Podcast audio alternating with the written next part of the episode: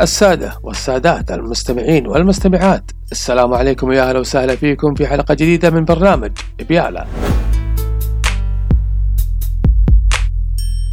برنامج بيالا برنامج بسيط ليس إلا وما يكتمل عرضه إلا من خلال اشتراككم في القناة وتفعيل جرس التنبيه. حتى يوصل لكم التنبيه في لحظة نشر مستجدات الحلقات القادمة إن شاء الله. وهم بعد ما أستغني عن تفاعلكم وتواصلكم ومشاركتكم في التعليقات.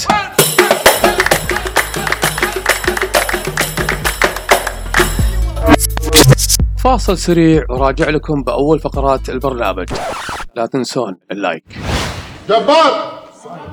شايات للربع على حسابي.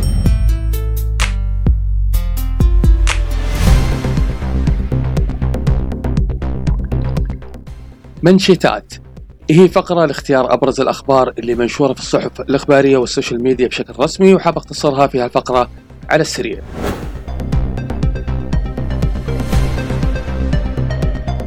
شركة أوبر أرسلت رسائل للعملاء في السعودية ومصر أنها راح توقف خدمة توصيل المطاعم أوبر إيتس. مسرحيات قديمة راح تعرض على نتفلكس خلال عيد الفطر المبارك ومن ضمنها مدرسة المشاغبين والعيال كبرت. في حفل زفاف واحد بتونس إصابة 90 شخص بفيروس كورونا. هنر هي علامة تجارية رائدة في مجال الهواتف الذكية واللي أعلنت عن ترقب توفير سماعاتها هنر ماجيك في السعودية والإمارات. وزارة الداخلية الكويتية سيطرت على شغب قاموا فيه بعض الأفراد من الجالية المصرية في أحد مراكز الإيواء.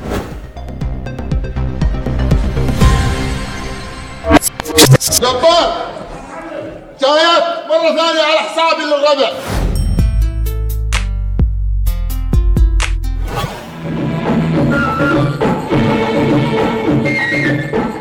نتكلم شوي في هالحلقة عن ظاهرة نعيشها في الخليج عامة البعض يحتفل من 14 إلى 15 والبعض من 13 إلى 15 والبعض في 15 اللي هو القرقعان.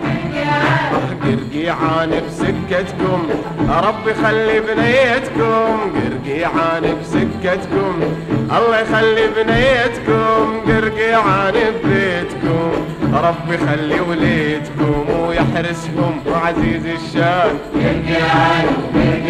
القرقعان موروث شعبي اجتماعي. بسبب تسمية القرقعان حسب اللي قالوها المؤرخين انها جت من صوت قرع الطبول اللي كانوا يستخدمونها الصغار في هالمناسبة يلا سوي نقرقع الليلة قرقعان. يلا سوي نقرقع ونمر على الفرقان؟ القرقعان يعتبر أحد المناسبات في شهر رمضان وهي عادة يحتفلون فيها الأطفال خلال جولاتهم في الحي وارتدائهم اللبس الشعبي ويقدمون أهالي الحي لهم الحلويات والمكسرات.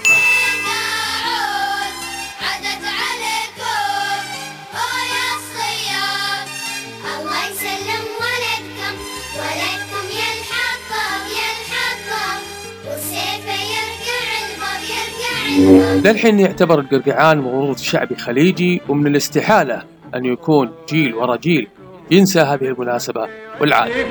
عطونا الله يعطيكم بيت مكة يوديكم يلا. كتبوا في الكومنت عن أفكاركم حق القرقعان هالسنة وشاركوني بصور أو مقاطع لعيالكم خلال الاحتفالية في القرقعان على حساب برنامج بيالا في تويتر. يحميكم يا مواطن يا مقيم هذا العمر لبيتك تبقى سليم سمعون الله يهديكم.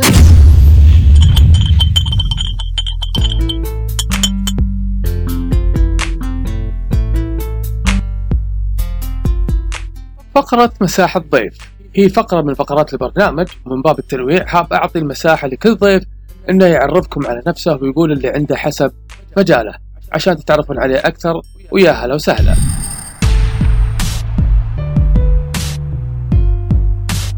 ضيف هذه الحلقة وهذه المساحة مصور مبدع متمكن في رأيي أشوفه يخلق للصور تثقيف بصري يعطي روح وذوق في اختيار أبعاد للصورة ما لكم في الطويلة تعرفوا على نوع التصوير وعلى شخصه الكريم. حياكم.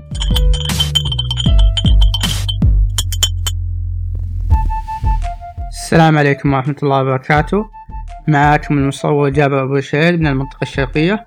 أصور في جميع مجالات التصوير ولكن أتخصص في تصوير البورتريه أو بما يسمى آه، تصوير الأشخاص. بدايتي كانت آه، مع مجال التصوير كانت في عام 2008 آه، أخوي الكبير كان عنده كاميرا كانون سنسرها صغير كانت أيامها تقريبا 8 ميجا بكسل الكاميرا طبعا طلعت في 2004 لكن هو اقتناها في 2008 آه، كنت أخذها منه آه، أحيانا وأصور فيها آه، مشاكسات مشاغبات يعني أصور فيها أي شيء. ما أفهم فيها الأمانة يعني ما أعرف آه، إعدادات معينة أو آه، زوايا معينة لا. فكنت أصور أوريه أقول له ها كيف اللقطة كيف كذا؟ وهو ما قصر كان يوجهني. آه، لكن في 2012 آه، شريت كاميرتي الخاصة. كانت آه، كانون 650 دي. وبديت فيها فعليا آه، كيف أصور وكيف أتعلم من الصفر. كانت عندي آه، الكاميرا عدستها الأصلية اللي هي 18 55 آه، بعدين كبداية للاحتراف أخذت عدسة ال 50 ملي وبديت. يعني عدسة ال 50 ملي كانت من العدسات المهمة طبعا ان أنت كمصور مبتدئ آه، تأخذها. بالنسبة للمهرجانات ما شاركت بشكل رسمي لكن كان لي حضور مثلا عندك نسخة نسخة مهرجان الساحل الشرقي في كذا نسخة أنا شاركت فيها أو أو حضرت فيها يوم يومين كنت أصور فيها الحرفيين. أه وعندي مهرجان جادة الترفيه مع مع هيئة الترفيه هي اللي كانت مسؤولة عنه فكان لي فيه مشاركة. أه بالنسبة لدورات التصوير والمعالجة أنا طبعا ما أخذت دورات. أه الحمد لله كنت أعتمد على معارفي من المصورين اللي أقدم مني في المجال وطبعا أولهم أخوي الكبير أه يعطيها ألف عافية. أه كنت أعتمد بشكل أساسي إنه آه، أسأل المصورين مثلا آه، يعني مثلا المصورين الكبار أو الم- المعروفين في في الساحل في ساحة التصوير في المجال هذا. فكنت أسألهم مثلا كيف تسوي كذا. فكانوا يعطوني معلومات يعني من وقتهم شوي. فكانوا يجاوبون يقولوا لي إن نسوي كذا نسوي كذا. فكنت آخذ يعني على قد المعلومة. بالنسبة لمجال المعالجة آه، مجال المعالجة أنا أكثر شيء على اليوتيوب. آه، حتى مجال التصوير بعد تعلمت فيه من عن طريق اليوتيوب. يعني كل التعليم اللي أنا أخذته تقريبا تقدر تقول تعليم ذاتي. آه، المعالجة كاملة من الألف إلى الياء أو الشيء اللي أنا قاعد اوصل أو المرحلة اللي أنا وصلت فيها الآن. كلها عن طريق اليوتيوب. آه، بداية المعالجة كانت تقريبا على 2016 أو نهاية 2015 فكنت أتعلم على تكنيكات المعالجة لحد ما ثبت على تكنيك واحد معين هو اللي كان مناسب لي. بالنسبة للنصيحة للأشخاص اللي تحب التصوير هي هي نصيحة واحدة. مارس التصوير قد ما تقدر. لا تعتمد على المعلومات أو الدورات اللي أخذتها تقول أنا أعرف التصوير بناء على الدورة الفلانية اللي أنت أخذتها عند المصور الفلاني. لا. بالعكس أنت مارس الشيء اللي أنت تعلمته. لأن الممارسة أحيانا تعطيك آفاق جديدة تعطيك أفكار جديدة تعلمك على شغلات جديدة على تكنيكات جديدة. ممكن لأنه المدرب راح يعطيك التكنيك أو الأسلوب اللي هو يتبعه. لكن انت لما انت تتعلم على اليوتيوب فانت راح تشوف تكنيك أكثر من مصور. فكذا انت تكون آه، صقلت الموهبه حقت- حقتك وتكون استنتجت منها وطلعت منها آه، تكنيك خاص فيك انت تكون بكرة انت معروف فيه سواء بالنسبة للتصوير أو المعالجة. فأنت لازم بشكل مستمر تحاول تصور بالنهاية يعني التصوير فن جميل وبحر مهما تعلمت فيه وتعمقت فيه أه تجي الأيام تطلع لك شيء جديد فكرة جديدة ستايل جديد أسلوب جديد. في بعض الأشخاص عندها ابتكار للتكنيكات الجديدة وأتمنى أني أفدتكم ولو بالقليل. أه معكم المصور جابر رشيد في أمان الله.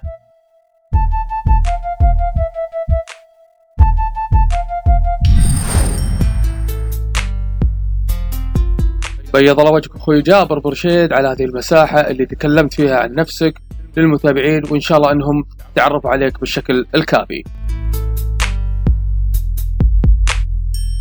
إخواني أخواتي متابعي برنامج بيالا للي حاب يتابع أعمال المصور جابر برشيد يقدر يتابع من خلال رابط حسابه الموضح في الوصف. وصلت معاكم إلى نهاية هذه الحلقة من برنامج بيالا وأتمنى أني وفقت بطرح ما يحلو لكم وأسعد بتلقي أي مقترحات أو أفكار أو للي حاب يشارك في البرنامج عن الرحب والسعة من خلال حساب برنامج بيالا على تويتر. ألتقي فيكم إن شاء الله في حلقة قادمة وبمحتوى أفضل بإذن الله ولا تنسون في الأخير الاشتراك في القناة واللايك وتفعيل جرس التنبيه والتفاعل في التعليق. في أمان الله.